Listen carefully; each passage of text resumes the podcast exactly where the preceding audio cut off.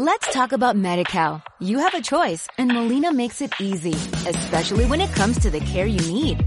So let's talk about you, about making your life easier, about extra help to manage your health. Let's talk about your needs now and for the future. Nobody knows MediCal better than Molina. It starts with a phone call. Call 866-420-5330 or visit meetmolinaca.com. Let's talk today. Hogeita bosgarren fotograma. Berriaren zinemaldiko podcasta. Donostiako udaleko euskara zerbitzuak lagundutako saioa.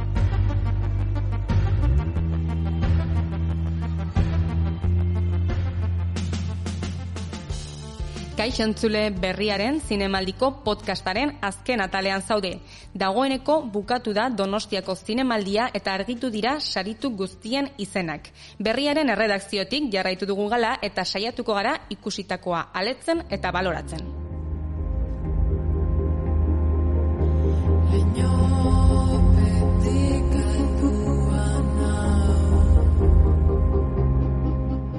Alina Grigor errumaniarraren opera primak Cry No filmak jaso du garaikur nagusia pelikula honenaren urrezko maskorra. The Golden Shell for the best film goes for goes to Blue Moon by Alina Grigor.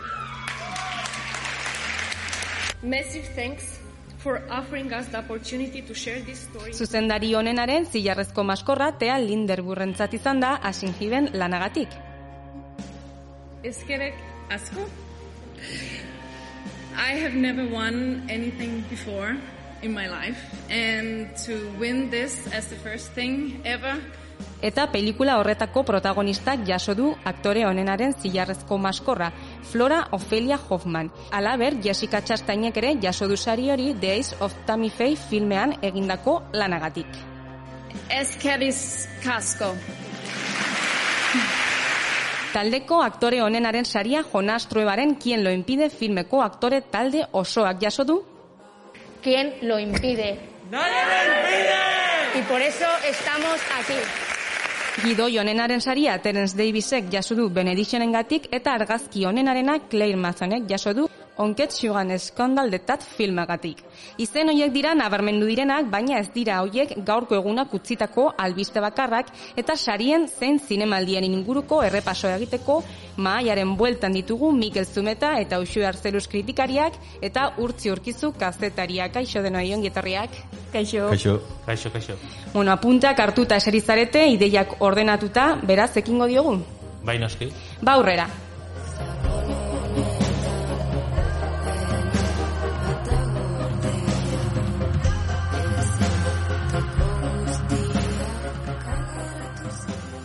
Bada hasteko sariak aletuz joango gara, aipatu dugun bezala pelikula honenaren urrezko maskorra Alina Grigoren Krainourentzat izan da. Alina Grigor errumaniarraren lehen filma da, familia patriarkaletako errepresioaren eta zapalkuntzaren erretratu bat da, familia barruko dinamika toksikoetan harrapatuta bizi den neska gazte baten historioa erakusten baitu. E, urtzi Mikel, zuek ikusi dituzue sail ofizialeko pelikulak, eta ez uste kotzat jo daiteke sari hau? Bai, bai, ez ustekoa. Guztiz, bai, bai, bai. Sorpresa bat izan da, ez? Nik Bai, dut. jendeak ez zuen, eh, hola, puntuazio honenak zituzten pelikulen artean ez zegoen erromaniakoa dudarik gabe.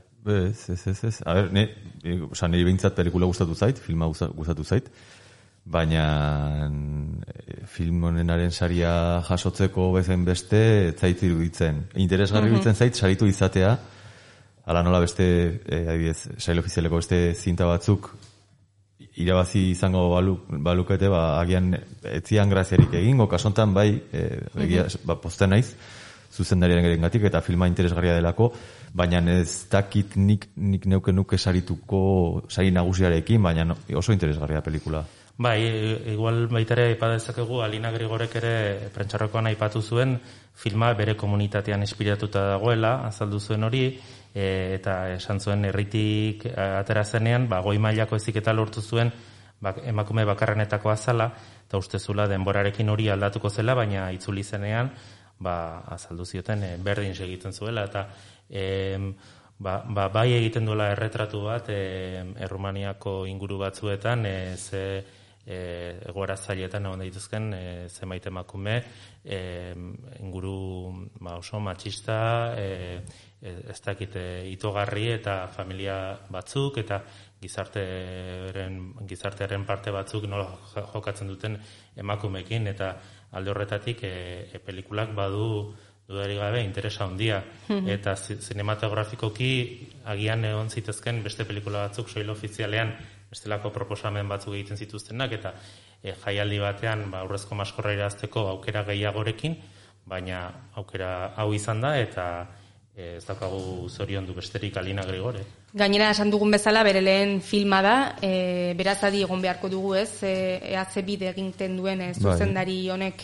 Bai, ze egiten dit, oza, nire ikuspuntutik amintzat, badauka e, gai aldetikan oso gai e, ba, gogorra eta sakona lantzen duelako, eta osi, oso interesgarria delako, baina gero hori inkluso zinematografikoak ere, ba, badauka, badaukalako bere, bere zera, esan nahi dut, ba, lau e, da nola baiteko pistatxo emategatik filmaren inguruan, ba, behin hasi bezain pronto, hasten gera, e, protagonista oean dagolarik e, eta esnatzen da, eta bere, ustut bere izpa dela esnatzen duenak. Eta azten garaia, ba, nolaita saldatutak, eh? Azten da pelikula guztia, e, abilu batean, e, ziribola batean nola, eta jolasten du, badauka edukia, eta badauka ere bai, e, bueno, filmikoki ere badauka berezera, ez? Osa, ikusten da asmo bat dagoela, eta badauka, bueno, badauka, badauka, mamia badauka pelikulak. Eta txalapartare bai. Hori da. Kontatu zazu, urtzi? Bueno, entzuten da soinu bat, txalapartarena zela, euskal txalapartarena, eta momentu batean e, emakumeen neska protagonista azaltzen da mailu batekin e, txalaparta jotzen. Agian horregatik hautatu dute. aizu. Bai. Bueno, entzungo dugu trailerraren zatitxo bat. Ai, măi, Irina, măi, uite ce mic e. Nu ți-e milă de el? Zici și tu. Ce? Bă, ce? Bă, Irino, ce? Mă face că tot afli. Aflo. Eta epaimaiaren aipamen berezia Lucien Latzi Jalilovic frantziarraren Erguik filmaren zat izan da, bere hirugarren luzea da kasu honetan eta begirada benetan bitxia eskaintzen du pelikula honetan, hau espero zenuten? bai, hau bai. Nik ez duen ikusi. Nik ez, nik bai espero, e, ikusten nuen hau ir- irabazleen artean, ba, aukerak zituenetako bat hau zen ere niretzako. E, ba, posten naiz, e, ba, behintzat, aipamen berezi bat egitea, oso film berezia delako, eta nik uste dut, ba, zituela aukerak saritua sortatzeko. Orduan, ba, gustatzen zait, e, naiz eta e, saritua iz izan, ba, mm, film oberenarekin, ba, behintzat, aipamen berezi bat jasotzea, e, ba, zuzendari interesgarria delako eta film interesgar, interesgarria delako, ere bai oso experimentala eta oso sensoriala, baina bueno, eta komplexua, baina bueno, zuk ere ikusi zenun. Bai, bai, bai, bai. E, aipatu duan bezala, bueno, oso begirada bitxia eta berezia zuela iruditu zitzaidan, argazkialetik oso interesgarria iruditu zitzaidan, oso, zai- oso zaindua, baina aldi berean, bueno, e, oso sensoriala, zuk diozun bezala, beraz sartzen zara, baina aldi berean, bueno, komplexua da historio aldetik, historia ulertzea, baina, bueno, niri ere iruditu zitzaidan e, gauza interesgarria ez dituela. Hori da, bai, oso ez, da, ez zait iruditzen agian e, film erresa, baina badauka zerbait. Badauka zerbait, bai. non esan dezakezu nahian, jo, ba, e, galdu naiz, edo ez dakit oso ondo zer, baina badauka zerbait ez, eta nik uste hori askotan e, zineman edo pelikuletan ba oso garrantzitsua dela, ez? Gelditzea behintzat zerbaitekin, ez? Bai, bai, bai. Oroitzea filmaz. hori esan behar nuen, pelikula hau e, onerako edo txarrerako, baino oroituko gara pelikula honetaz, ez? Hori da. Aurrerantzean. Bueno, jarraituko dugu zuzendari honenaren zilarrezko maskorra Thea Linderburgentzat izan da, Asin gatik. Pelikula hau Danimarkan kokatuta dago eta neskato bat du protagonista, etxetik joango dena ikastera, ordea dena okertuko da, bere ama erditzen jarri eta zerbait gaizki doala sumatzen hasten denean, berak hartu beharko duelako familiaren ardura. Beraz, ba, besteak beste opresioa, zerruaz, erligioaz edota superstizioaz mintzatzen da pelikula hau, eta hau bai espero zenuten. Bai, Bai, nik bai. bai, bai. bai. Bai, bai, bai, bai, bi hori gustatu dute egon asko. Bai, eh, eta hau ere opera prima baita ere, Bai, bai. lehenengo pelikula, eta nahi bintzat asko gustatu zitzaidan, da, eta uste gaina podcasten ere epatu nuela sarietatik gertu ibiliko zala Bai, bai. eta eta jende askok ere komentatzen zuen e, ba, oso pelikula berezia zala, ona zala eta izan zitzakela aukerak e, hor hemen palmaresan goian egoteko. Bai, nik uste dut, ba, zegoela, jende ask, nik uste dut, jende askoren nagotan zegoela, irabazle bezala. Bai, e, aipatzen zuten bai irabazle bezala eta bai aktore honenaren saria e, jasotzeko aukerarekin, ez, e, protagonista. Hori da, hori da. Orduan nik uste dut, bueno, ez dakit, eh, ez dakit oso ondo nola funtzionatzen duen epaimaiak, baina, ba, bueno, egin dutela nola baiket, nik uste dut izan du dela sari banaketa neko e, ba, banatua, ez, nola esategatik, saiatu direla saritzen e, zinta desberdinak, eta kaso honetan, ba, ba, zuzendari honenaren saria, askotan, ba, egoten da jende asko esaten duena, ba, nor, e, ba ez dutela ondo ikusten saritzea urrezko maskorrarekin, urrezko maskorrarekin film bat, eta beste film bat zuzendari oberenaren e, e, sariarekin, ez? Nolabait, batera joan barko liratekela edo e, iradokiz. Nere kasuan behintzat, ba, zuzendaritzarena oso ondo. Ze pelikula ditu momentu asko, ba, oso ondo filmatuak daudenak, ikusten dugu adibidez nola e, protagonista, e, bueno, gurasoak edo amak eskatzen die, bueno, edo familiak eskatzen die, ba, ondoko amonaren etxera joatea esaten die, ba, pixka bat aldentzeko, ama erdit, erditzeko zorian dagoelako, eta bueno, ez? Eta ikusten dugu nola joaten diren, nola itzultzen diren, nola e, sartzen diren etxean, eta ode pixka bat e, ba, gurasoak esandakoari kontra eginez, itzuli dira, eta orduan ari dira, ba, iz- nolabait izkutaketan etxean, amaren bilaea nola dagoen ikusteko, eta kamarak jarraitzen ditu, atezate, gelaz gela, dantza bat, nolabaiteko dantzaldi bat ikusten du- dugu, ba, baserritarrekin itzuri direla, eta hasten dire dantzan, eta kamara mugitzen da beraiekin, badago hor, zuzendaritza lan bat eta koreografia lan oso polit bat, eta nik uste oso merezia dela e, kasu honetan zuzendaritzarena. Eta girotzea ere, ze meretzi garramendaren bukaeran dago girotuta eta aipatzen zuen zuzendariak e, ba, garai hortako emakumeen inguruko historio gutxi normalen eramaten dira zinemara, ez dela kontatzen e, ba, nola, nola bizi izaten zuten e, emakumeek e, egunerokoa eta kasu honetan ere erditzeak, familia eta e, ba, Bai, bai, guzti- bai, ikusi mesedez pelikula delako bastante, bai, bai, oso potentea. Eta gainean ikusten dut ez dela horren zaila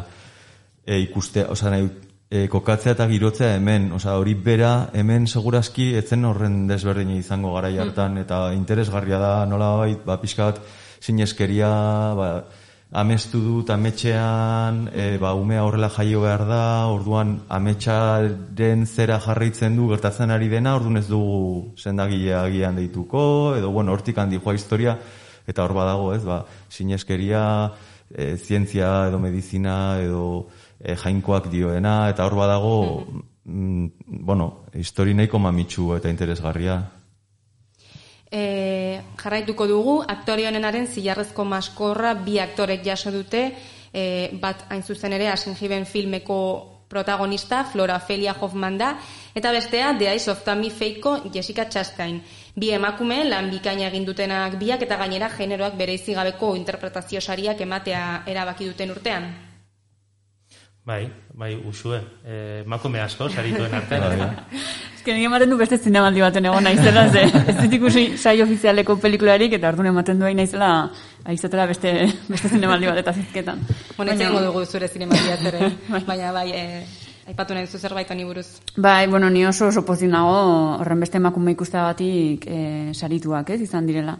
Eta aktorearen kontuarekin, e, antzazpenaren kontu, kontuarekin, ba, generoak endu dutela edo, en, bueno, nik esan beharra dakat, alde batetik zentzuguna iruditzen zaidala, ez? Zentzu guztia dakala batetik, em, ba, bi genero hauetan sartzen ez diren beste identitate guztiak saritu daitezkelako, eta aldi berean e, kategoria bakarra delako ba, generoa bereizten dena, ez? Oa, Ez, ez dugu ez dakagu zendari emakume honena, zendari gizon eman honena. Baina aldi berean iruditzen zait pixka arriskutsua ere badela, ze nolabait da sari bakarra epaimaia derrigortuta dagoena emakume bati ematea. Zena, emakumezko aktore honenari eman behar badio, bada sari bakarra emakume bati bai edo bai eman behar zaiola. E, kasu honetan mm, ondo atera zaigu, ze bi emakumek eraman dute, Bai. baino, baino posible da egotea ba, zinemaldi bat ba, en, sari guztiak gizonezko eramatea. Bai, hain zuzen ere hortik dator kritika, ez, askok esaten dute goizegi dela aldaketa goiteko naiz eta etorkizuna e, horrek izan behar duen, baina e, azken finean asko emakume gutxiago daude e, pro, e, rol protagonistak dituztenak eta hortaz baliteke ba, sari hori emakume batek jasotzea oso zaila izatea, ez? Kasu honetan ez da izan, beraz, bueno, oso pozi gaude. Hori da. Baina tira, asko dago bai hausnartzeko. Eta e, aktore honenaren zilarrezko e, maskorra jaso duten bi aktorei buruz, zerbait gehiago gehitu nahi duzu? Ni, pertsonalki, nik emango nioke Flora Ofeliari, mm Hoffmani. Eta Jessica Chastainen aritzen zait oso ondo egiten duela, baina nola biteko kontzesio bat iruditzen zait. Etorri da, oso papelona eman diote, ondo egiten du, eta nire sentzazioa da filme bat pixkat Oscarrei begira dagoena, Eta, bueno, ez dakit nola esan, eh, horren film desberdinak diren, eta nahi Danimarkakoa horren beste gustatu zaidanez, eta egiten duen papera oso horren horren una denez, ba, txisten, enun ikusten beharrezkoa, bat ez ere, eh, ez dakit, erkek saeku, bi, bueno, ez dakit, ulertuko nuke gehiagoa adibidez, esatearena, ba, gizonezko bat eta emakumezko bat saritu behar ditugu eta orduan ematen dugu eksaekuo. Horri mhm. igual, bueno, ulertuko nuke gehiago, ez? Baina, bueno, ez dakit. Agian tontakiri, bada esatean nahi izena, eh? baina ditu zait pixkat txastain etorri da, ez? Eta, bueno, eta sarituko dugu. Bueno, baina Flora Felia Hoffmani eman diote eta horrekin geldituko. ni, ni horrekin gelditzen naiz. Ederki. Bueno, taldeko aktore honenaren zilarrezko maskorra, Jonas Truebaren kien lo impide filmeko aktore talde osoari eman diote, entzun dezagun nola hartu duten saria gazteek. Queremos decir que, que nos agrada mucho que nos deis este premio porque no estáis premiando eh, a nosotros interpretando unos personajes de ficción, sino a nosotros imaginándonos a nosotros mismos como personajes de ficción, ¿no? Diciendo nuestra verdad y hablando de cosas que creemos que son importantes que se escuchen. Y con este premio sentimos que están siendo escuchados. Nera bezaroaren erretratu bat egiten duen lan bat da, hainbat urtez egon zen Jonas Trueba gazte hauekin pelikula hau egiten, dokumentalaren eta fikzioaren artean mugitzen dena, eta oso kritika positiboak jaso dituena, Mikel Hau zure guztukoenen artean zegoen? Ba, guztiz, eta nik ustut merezia, eta batez ere merezia e, filma benetan haiek egiten dutelako. Haiek gabe mhm. ez, ez, ez bitzatekelako filmerik egongo, ez? Orduan, e, askoz e, positiboago ikusten dut haiek saritzea eta ez zuzendaria mhm. saritzea. Netan beraiek direlako filma. Eta saritu beharrekoak beraiek direlako. Aldortatik ni oso, oso konten eta oso adosariarekin. Mm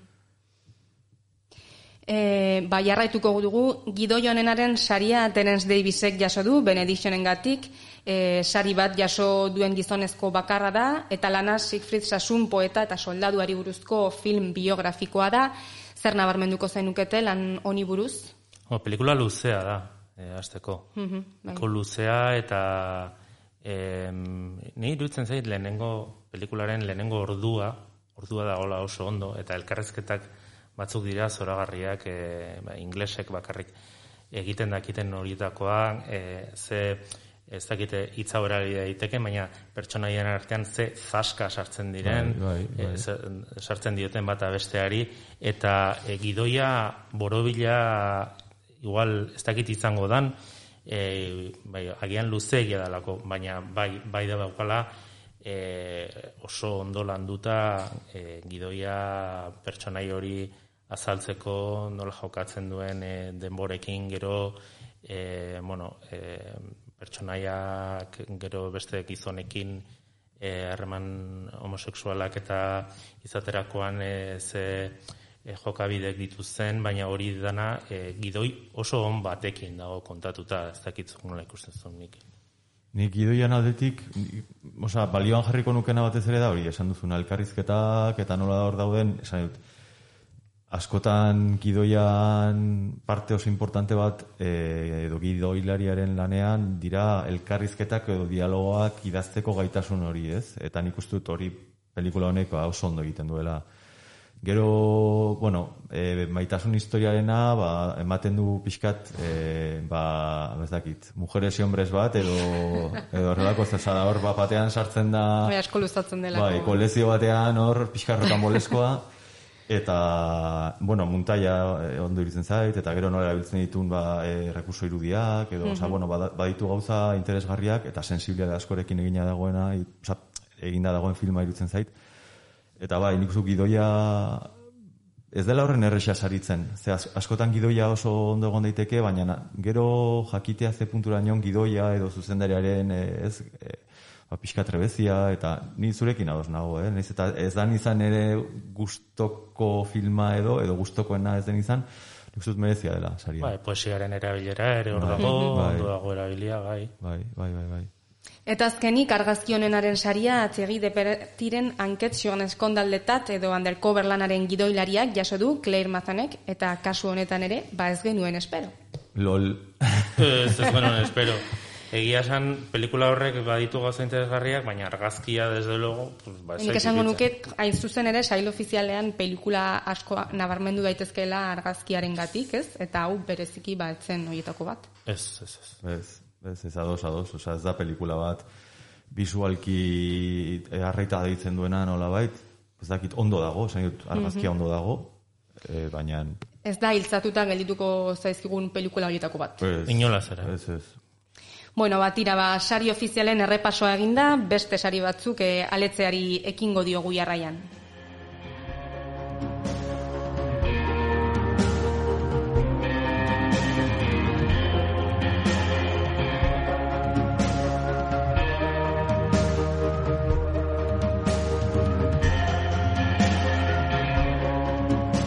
Eta Irizar sariarekin hasiko gara, Maixabel filmak jaso du aurtengo Irizar saria, aurtengo estreinaldi garrantzitsuenetako bat izan da Iziar Boieinek zuzendutako pelikula, eta dakizuen bezala Maixabel Lasakaren senarra zena hil zuten etako kideekin egindako topaketetan oinarrituta dago, eta dagoeneko Euskal Herriko hogeita mabi zinema aretotan dago ikusgai gainera. Bada, koldo zuazua pelikularen ekoizleak jaso du saria, eta gure podcastaren lehen atalean, iraiaren amazazpikoan, entzungai duzue ari egin genion elkarrizketa. Urtzi, espero ziteken sari bat da? Bai, bai, aukeren artean, egia esan, e, Euskal Herriko ekoizpenen artean zuraski aurrekontu handiena zuena garbi, fikzio gutxi egonda, eta gero gaina e, ikusleen nola ere sentimenduak eta gehien piztu dituena, kursalean e, txalo zaparra da handia jaso zuen, e, nola ere zinemaldiak e, baita ere apostu egin du pelikula honen alde, sail ofizialean sartuta, eta em, bai, iruditzen zaite, espero ziteken sari bat dala Maixabelena, ez da, Mikel?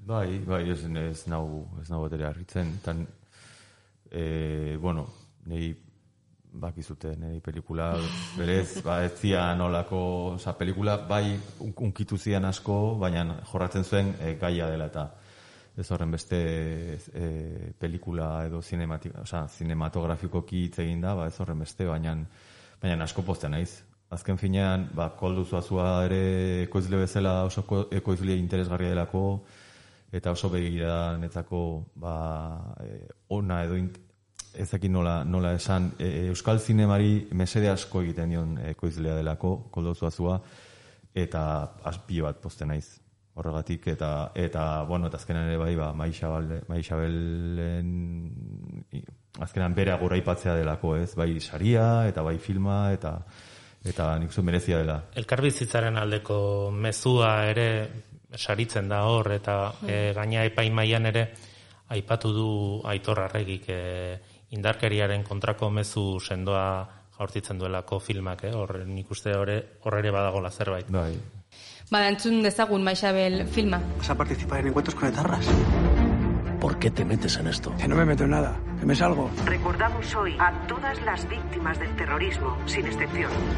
Parece buena mujer. Quiero recordarme lo imbécil que era. Eta Irizar sariaren aipamen berezia Maider Oleagaren kuart baleirentzat izan da, amets ero bat bete zuten kuartangoko lagun batzuen historioa kontatzen duena, western tonuarekin, eta Maider Oleaga ere gurekin izan genuen podcastean, e, bereziki gustatu zaizun filma urtzi.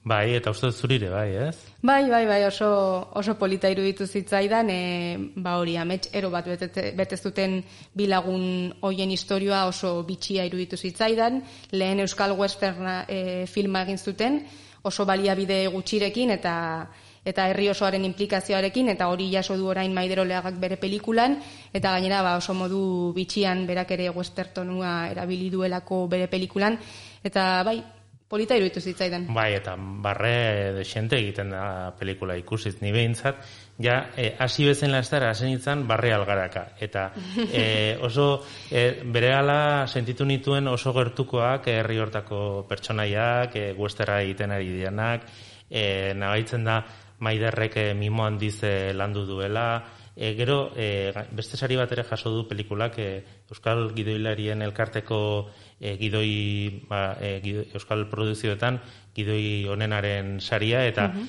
e, maiderrek e, pelikulak egiteko daukan begira da, ba, txalotzekoa da eta e, modu batean edo bestean e, lortzen du lortzen du ba, ez da egite ikuslearen gana iristea eta kalitate handiko lanak e, osatzea nire ustez, maiderrak.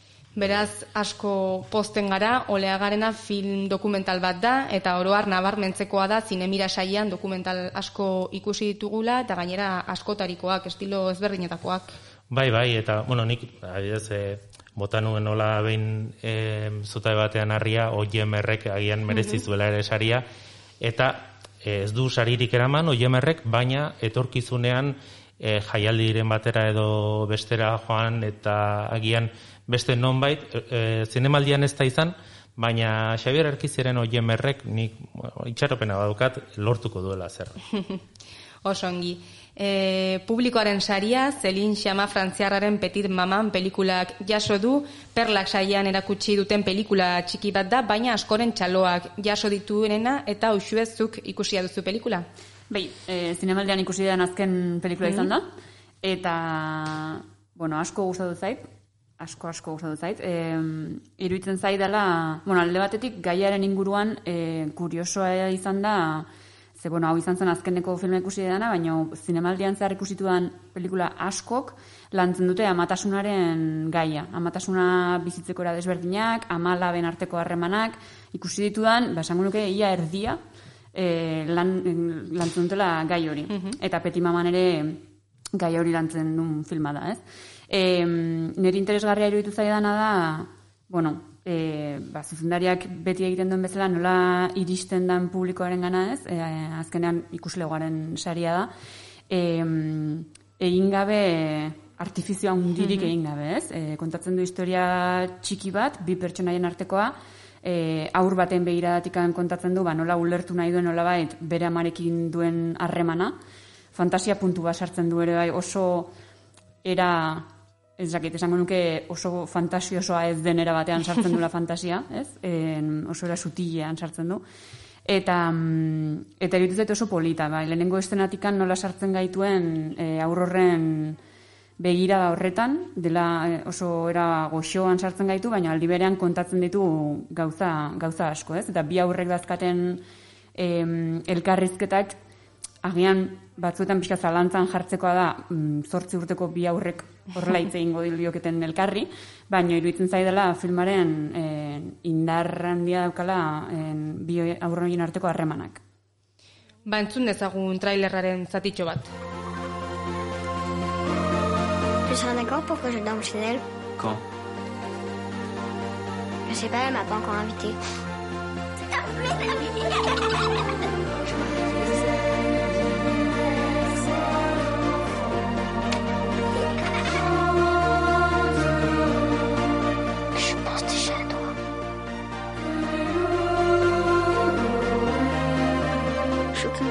Se soit rencontré. Bestetik, Kutxabank zuzendari berriak saria Lena Lanskiren anguante dentzat izan da, eta ipamen berezia Silvina Esnizerren karajitarentzat, hauek ere biak ikusiak dituzu usue eta postu zara pelikulen izenak entzun dituzunean. Bai, e, asko postu naiz, e, bueno, batetik ere, e, bi hauek ere amatasunaren gaia lantzen dute, mm -hmm, baina iruditzait, hiru azbatutako hiru film hauek oso era desberdinean lantzen dutela, ez? Bai, e, gaia bera ere, adibidez, e, Petit Maman hortan e, ama bat ulertu nahi duen aur baten paperan jartzen gara, anguonte den e, ama izan nahi ez duen nerabe baten historia kontatzen digu, eta karajitaren kasuan e, kontatzen du ba, ama, e, esan dezagun odolezko ama dan ama bat, ba, badakala beste alaba bat, e, zaintzaile moduan zaintzen duen, ba, txikitati zaindu izan duen familia batena, ez? Eta mm, hiruak tratatzen dute ba, amatasunaren gai hori, baina oso era desberdinean. Eta mm, eta bestalde aipatzeko ere zuzendari berrien sailaren kasuan iruditu zaio dela aurten oso oso indartsu etorri dela. En, Normalean perlak ba badakizu ba zeu zer ziu, bueno, ziurra edo gutxienez ziurragoa dela, ez? Ba, beste jaialdi batzuetan egon dela edo beste sari batzuk jaso dituztela edo zuzendariak oso ezagunak diala, baina zuzendari berrietan ba jendeak nik uste dakala esperantza gutxi. Eta niri esan gehien gustatzen zaidan saila hori da, e, beti esaten dute lehenengo filmak dela ba, zure bizitza guztia jartzen dezun filma hori, ez? Ba, bar, barru guztia ateratzen dezula. Eta iruditzen zaita urten indar asko ikidun sail bat izan dela. Eta asko postu naiz hiru emakume gatik. Bai, eta azken finean, orain sail horretan ikusten ditugun pelikulak eta e, ikusten ditugun zuzendariak gero egon daitezke beste sail batzuetan. Azken Nor, finean, normalean horrela izaten da, gai- gaien, gehienetan ere, ba, gero badatoz, ez, urrengo filmekin. Horizontes Latinos saria Tatiana Huezo Salvador Tarraren Noche de Fuegorentzat izan da eta gainera aipatzekoa da hiru sari jaso dituela pelikulak. Zabaltegi tabakalera sariak Gaspar Noeren Vortex lanarentzat izan da eta aipamen berezia berriz Eles Transportan Amorterentzat. Espainiako zinema kazetarien elkarteak ematen duen feroz saria Jonas Truebaren Quien lo impide filmarentzat izan da. Gazteriaren saria mas pelikulak jaso du Fran Kranzen opera prima. Argumentuak Maixabelen antz pixka bat izan daitekeela iruditu zaigu, tiroteo batean hildako gazte baten gurasoak semea hilduenaren gurasoekin bilduko direlako. Beraz, hoiek sariak eta orain sail ofizialaren balorazio orokorrago bat egitera ekingo diogu.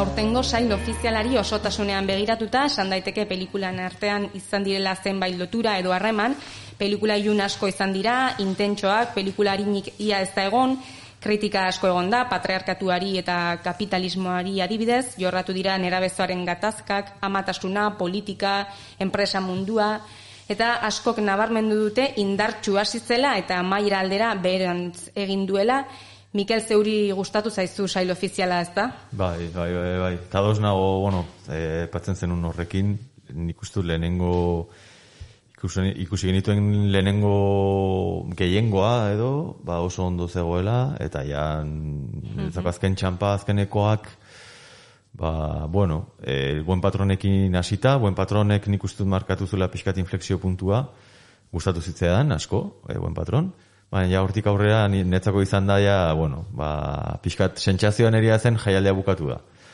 Ja, pues, ezakit, la Baina, abuelakin... Jon, baina Jonas Trobarena ondoren izan Ah, ondoren zen? izan Bai, zen, ba, bai, amaia vale, aldera izan zen. vale, pues, eh, izan zen, pues, eh, ba, justo, bueno, ba, Sa- salbuespena. Hori da, salbuespena.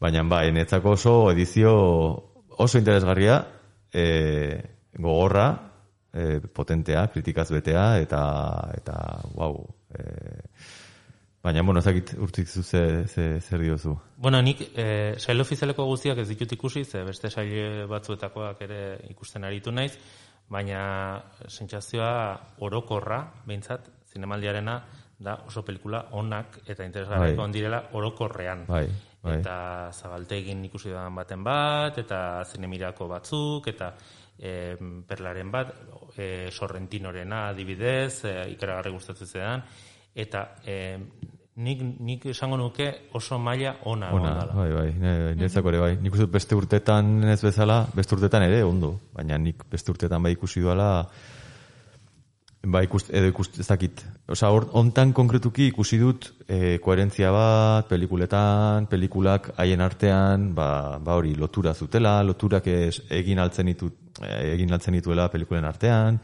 ba honek beste honekin lotura dauka, honek beste honekin, gai hau eta hau ba pixkatari bera jarritzen dute, eta bazegola ondo pentsatua, sailkapena ondo egina, eta nik behintzat puntuazioekin, sail, filmekin, ba, e, batezik, bueno, biezik, baina beste guztiei seitik gora jarri diet, orduan, nik uste dut eh, ondo.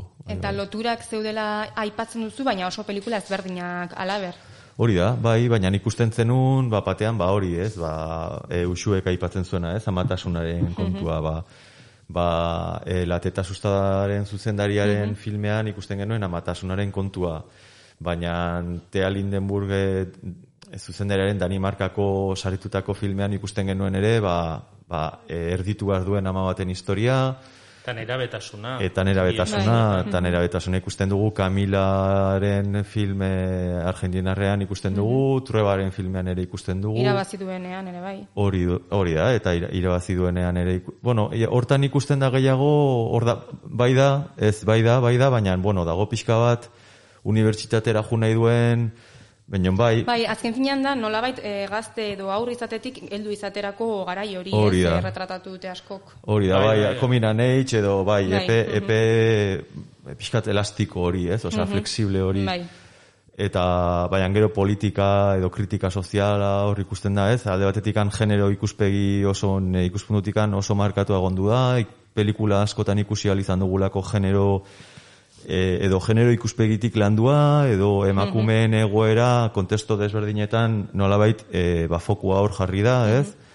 Eta gero ba, e, lan munduan, politika munduan, kazetaritza bitartez, e, ez? Osea, hor egondu da niretzako edizio bat oso eduki aldetikan oso mamitsua eta incluso e, em, be, peli, pelikula belgikarra e, Irwin adibidez, Mhm. ba, horreri ikusten da gurasotasuna, aita laban arteko Bai. ba, historia, oza, azkenean guztiak zaukaten non lotu bata bestearekin, no, irutu zait oso proposamen sendoa izan duela eta oso aukerak eta interesgarria. Hor gainera da, daude boterearekiko botereari egindako kritikak e, formatu desberdinetan ikuspuntu desberdinetatik kasu batzuetan gainera emakume begiradarekin zuzendari asko izan direlako emakumeak eta gero e, daude e, usuek aipatzen zituen beste pelikula askotan amatasuna eta e, gai horiek ere izan direla garrantzitsuak. Zuk ikusi duzu usue beste gairen bat ere horrela e, pelikulen artean e, baze, aurkitzen zenuela loturak edo? Jo, ba, eske, oantxi bertan amatasunaren bakarrik lantarkut burura, eske, benetan harritu nahuela zenbat film ze, e, ikusi ditudan gai hori lantzen zutena, ez? Eta gero ikusi ditudan bestetatikan, ba, amatasuna ez bazan, aitatasuna zan, edo Mhm. familia arteko harremanak ziran, edo ez dakit nik horrela aukeratu ditu dalako, zegia da nik juten ez aukeratzen ere bai, ba, mendikan pixkat, eta hortikan beste pixkat. Baina mm, ni gehien bat harritu nagoena hori, ez, zenbat, zenbat ikusi dudan gai hori jorratzen zutenak. Eta ze, e, e, ez zenbat, bai, baita zenbat, baina batez ere ze desberdin. Bai ze desberdin gai alantzeko bai, ikuspuntutikan edo, bai zuzendaritza aldetikan, bai ze kritika egin nahi izan, edo ze ikuspuntu eman nahi izan. Eta, mm, eta niri da iruditu zaidana da, aurtengo filmen artean, en, ba, oso potenteak izan diala danak, ez? E, beti dago danetatik, eta urtero daude ba batzuk ba, gehiago konbentzitzen agutenak, eta beste batzuk gutxiago, baina mm, egia da aurten, beti daude ba, bi edo hiru asko aserretzen nautenak, eta aurten ere ba, egonda baten bat aserretu nauena, eta besteren bat ba, indiferen, indiferente uzten nauena, ez? Urtero daude horrelakoak. Baina egia da aurten oso gutxi izan direla, ez? Gehienak ba, ba, iritsi zaizkidala edo esango nuke. Eta ze arrazoiren gatik, ea sarratu zaituzte batzuek. Bueno, aipatu nuen eh, Josefinaren kontuarekin, eh, bueno, asko aserretu nintzela, ze iruditzen zait kriston pelikula ona dela, eta kriston proposamen ona, bai zuzendaritza aldetikan, bai antzezpenak, bai gidoi aldetikan, ez, nola dauden eraikiak pertsonaiak, baina, bueno, gaia, maitasun historio bat dela esaten digute, ez? Bueno, horrela, horrela dago kontatua, baina eraso batetik datorren maitasun Bai. historio da, eta ez da inun aipatzen ez? Errez, ez da inun kritikarik egiten, ez da inun ikusten e, nola baiteko ba, gaitzespena, ez, eraso horri, eta gaina ba, badirudi ondo amaitzen den maitasun historio bat dela, eta eta horrek asko aserretu nindun. Kontua da gizonezko protagonistak emakumea zelatatzen edo jazartzen duela, ez? Hori da, osea, dana hasten da, hori gizonezko e, protagonista da espetxe baten lan egiten dula, eta en, Emma Suarez pertsonaia, Emma Suarez aktoreak egiten duen pertsonaia, ba, begiratzen dula ba, segurtasun kameretatik. Eta hortik Mhm. hasten dela, ba, hortik hasten da beragana hurbiltzen, e, berekik, bere semearekiko ba, gauzak egiten, ez? Ba, la, la, nolabait laguntzeko, baino emakumeari ezer esan gabe, gezurrekin hasten da, Orduan hasiera horrekin ja, ba, nik espero nun, ba, pelikula beste nun baitetik Eta ez? Ba, zuzendaria gizonezkoa da? Zuzendaria gizonezkoa da, baina gidoilaria emakumezkoa da. Eta horrek asko harritu nindun. asko harritu nindun. Horratik, hor, hor, hor asko zerretu nindun. Erantzunak nahi ditugu. Baina uste izan dela eserretu nagoen bakarra. Eta Bueno, hori da. zerbait. Eta gehiago edo gutxiago gustatu arren, batzuetan pelikula batzuek arrastoa aztarna uzten dute gugan, ezta? Beti egongo da zinemaldiko pelikulen artean bereziki gogoratuko dugun bat, edo zein arrazoiengatik. Zuentzat izan da alakorik aurten? Nik eh, esan dut, Paolo Sorrentinoren eh, Estata de la mano di Dio horrekin gelditzen ez. Deklaraziorik ez. Esango nuke eh, jogazena, baina eske gorro, mundu guztia Bueno, gorroto baina- nahuia. Baina zuretzat, esan nahi dut, esan dut e, gehiago edo gutxiago gustatu arren, Bai. gelditu zaizkigun pelikulak. Esan zenuen etengabe harreta jartzera behartzen zaituen pelikula bat dela, eta beraz horregatik ere izan daiteke, ez, e, gelditzea.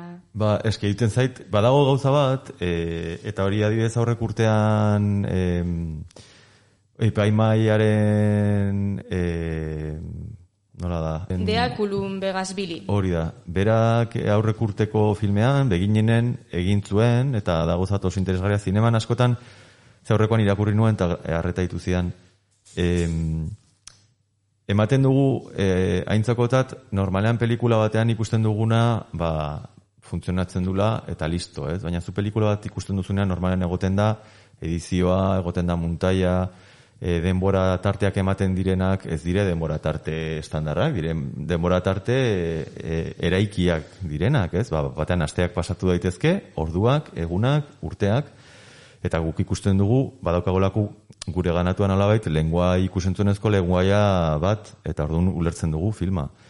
Baina batzutan, e, gauza, nolabait, kontrazinematografikoak egin daitezke, direla, bat batean, denbora errealean filmatzea, plano bat, edo estena bat, eta kasontan, e, jogazen filma, Claire Simonen filma, egiten duena da hori, denbora errealean, orduan, da pixkat tortura, osea, da pixkat, wow, pasote bada, zade pelikulan, eta ez duzu, ai ama, jangoiko makia, baina niri gustatu zitzaidan, ba, oso e, baitortza be, kontatzen dena protagonista alako flipantea, eta gia esan, ematen duelako pentsatzeko asko, asko, asko, asko, eta nahi jogaz ba, gustatzen zait, eta, eta formula erabilizuena dituztealako ere bai, ba, oso po, apostu e, a- filmetik atera da e, e, prentsa pasean atera ginean, jendea, ni jendearekin hasi nintzen, e, kritikariekin, eta hitz egiten hasi nintzen, eta hau zin, a- antizinema da, nola izan daiteke, ez ditzea berriz, Claire Simon inoiz gehiago, jaialdira, zoit jendeari, ba, nik uste egonda jendea ezeineri gustatu zaion, eta oso iritzi kontrajarriak sortu dituen pelikula da, eta horre- ni horregatik osa,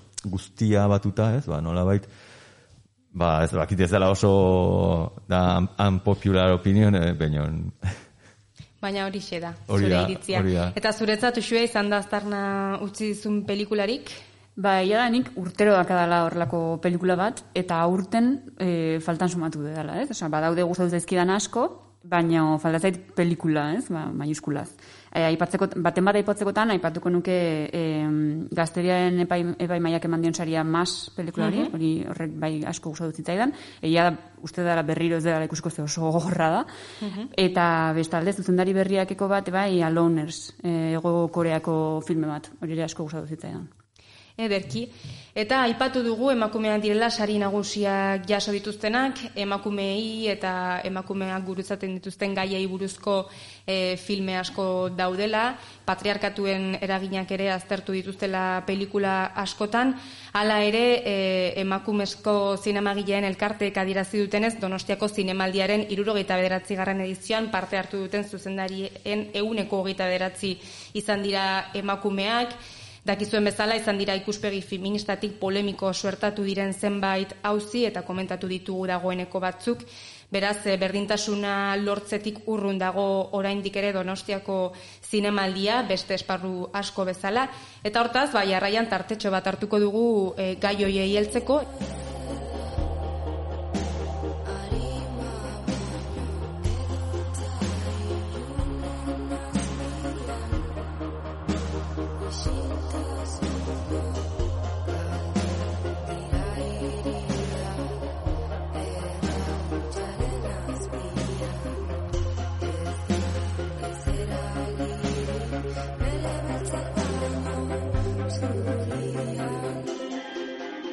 Alde positiboarekin hasiko gara, aipatu dugun bezala, ortengo zortzi sari nagusiak jaso dituztenen artean gizon bakarra baitago, gainerako guztiak emakumezkoak dira eta inoiz gertatu gabeko zerbait da. Hau xue zerbaiten erakusle dela esango zenuke? Ba bai, e, nik egia esan ikusitut sari banaketa hauek ba, harri, harridura handiz, baina oso oso pozik. E, ikustea horrenbeste emakume saritu eta horrenbeste sailetan eta horrenbeste e, postuetan, ez? Esan ezagun adibidez, e, argazki zuzendaritzan ere ba, ez dela ohikoena Mhm. emakume bat bai argazki zuzendari izatea eta baita saritua izatea ere, ez? Eta bai, nik uste adirazle dela, ba, geroz eta emakume gehiago iristen ari direla ba, ba postu hauetara, ez? Eta geroz eta emakume gehiago daudela lantalde teknikoan, eta mm, eta geroz eta, bueno, ba, emakume hoien lana ba, geroz eta gehiago ikusten ari dela eta iristen ari dela. En, eta hori ba, oso pozik hartu ditute hartu dut be- berri hau, baina eh, ahaztu gabe en, zinemaldi honek ere atzen eku ditula beste, beste alderdi batzuk, ez? Bueno, aipatu duzu e, zalantzan egon diren gai ugari izan direla, eta bat hain zuzen ere aktore onenaren sariarena da, lehen aipatu dugun bezala, baina horrekin batera gai eztabaidatuenetako bat Johnny Deppen Donostia saria izan da, dakizuen moduan bere emazte hoiak tratu txarrak egitea egotzi ziolako, zinemaldiak erabaki zuen aurrera jarraitzea sariarekin kritikak jasoarren errugabetasun presuntzioan oinarritua eta depek bere agerraldia baliatu zuen indarkeria matxista ukatzeko, salatzeko edo nor egon daitekela arriskuan norbaitek salatuz gero eta bueno, hitz egin zuen kantzelazioaren kulturaz eta bere diskurtsoa zabaldu zuen foku guztiak gainean zituela. Hori ikusita zer esango zenukezuk e, zinemaldiaren erabakiaz, zer lortu dute sari hau e, depi eman da?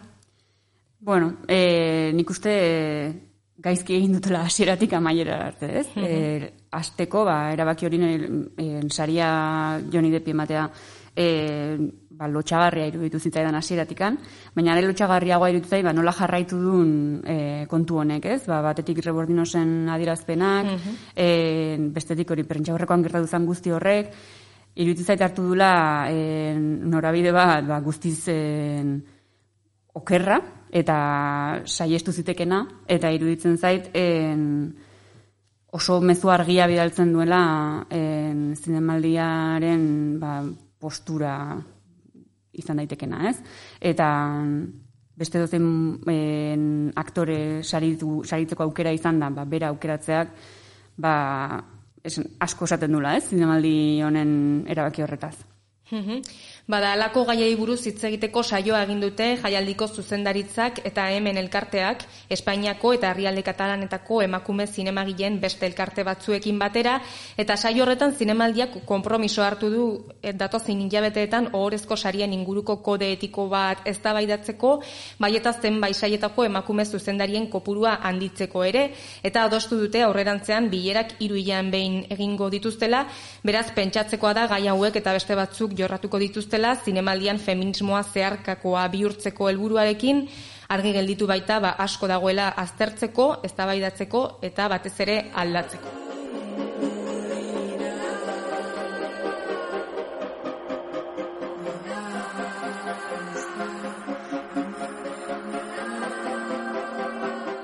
Eta pena handia ematen badigo ere amaitzen joan beharra dugu, baina noski aurretik galdera bat gehiago egin nahi dizuet, Mikel Uxue urtzi nola bizi izan duzue jaialdi hau, ze sentsaziorekin joango zarete gaur etxera?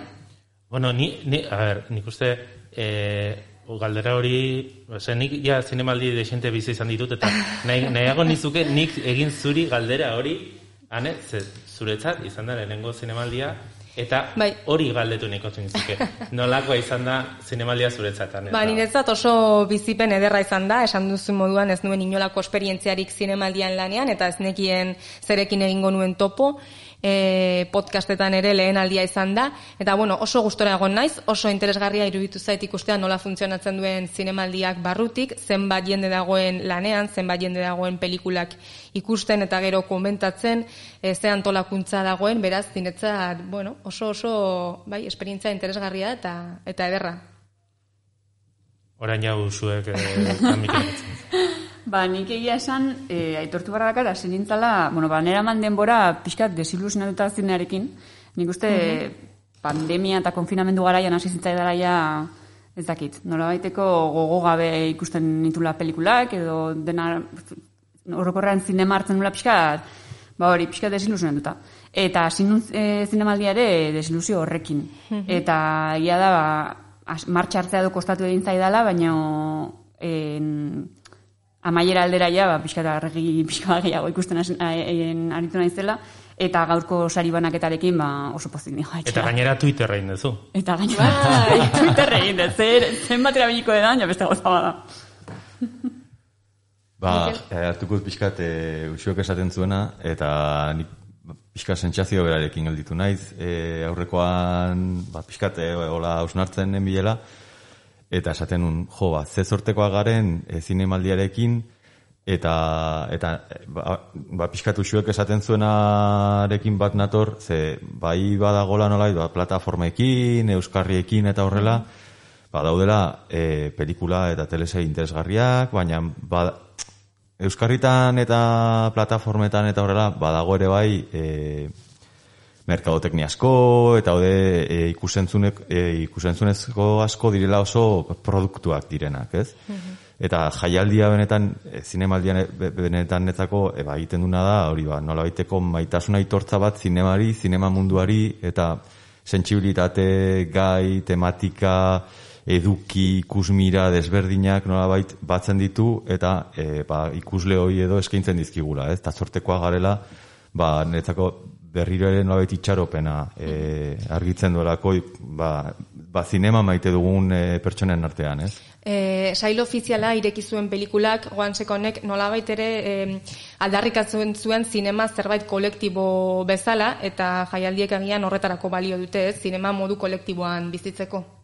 Bai, eta e, mira, gainera, txinako pelikula hori, zaini murena, e, oso polita zan, eta ni oso pozikatan nintzen zinematik, Bai, eta mhm. ja, sentsazio onak ematen zizkian, eta e, e, sartzen nindun ja zinemaldian, esan ez, bueno, hau, bai, gozatzera noa, eta iaz baino asko zobeto. E, iaz, iaz baino, e, gehiago disfrutatu dut nik aurten zinemaldiaz, e, lanaz, pelikuletaz, zuen konpainiaz, dudai gabe, eta ea datorren urtean ere ala den. Ba orain bai, onaino iritsi da berriaren zinemaldiko podcastaren azken saioa, bukatu baita zinemaldia, beraz iriak bere oiko itxura berreskuratuko du, kenduko dituzte filmen kartel erraldoiak, alfombra gorriak eta esiak, eta han ibili garenok jada ez dugu iratzargailuak goizeko zazpiak bos gutxitan jarri beharko egunero, sarrerak eskuratzeko online iaran sartzeko, eta ez gara elkartuko kursalean, ikusi entzun eta bizitakoa mikrofono hauen aurrean labur biltzeko, baina zinemaz gozatzen jarraituko dugu hori bai beste patxada batekin. Plazera izan da, zinemaldiaren bederatzi egunei, hogeita bosgarren fotograma jartzea, zuen konpainian, eskerrik asko Mikel Uxue urtzi eta lara egunero egin duzuen lanagatik, eta beste aldean zaudeten entzule anonimoei ere, ba eskerrik asko zuen arregatagatik. Belakoren mam kantua izan da gure sintonia egunero, eta kantu horrekin agurtuko gara. Aio? Aio, Aio,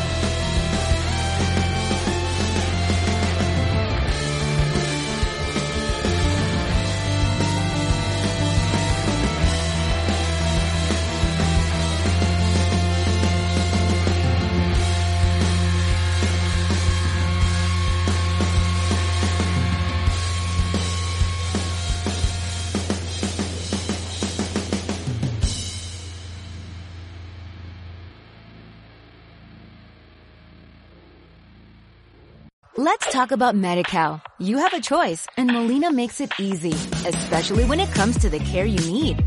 So let's talk about you, about making your life easier, about extra help to manage your health. Let's talk about your needs now and for the future. Nobody knows MediCal better than Molina. It starts with a phone call. Call 866-420-5330 or visit meetmolinaca.com. Let's talk today.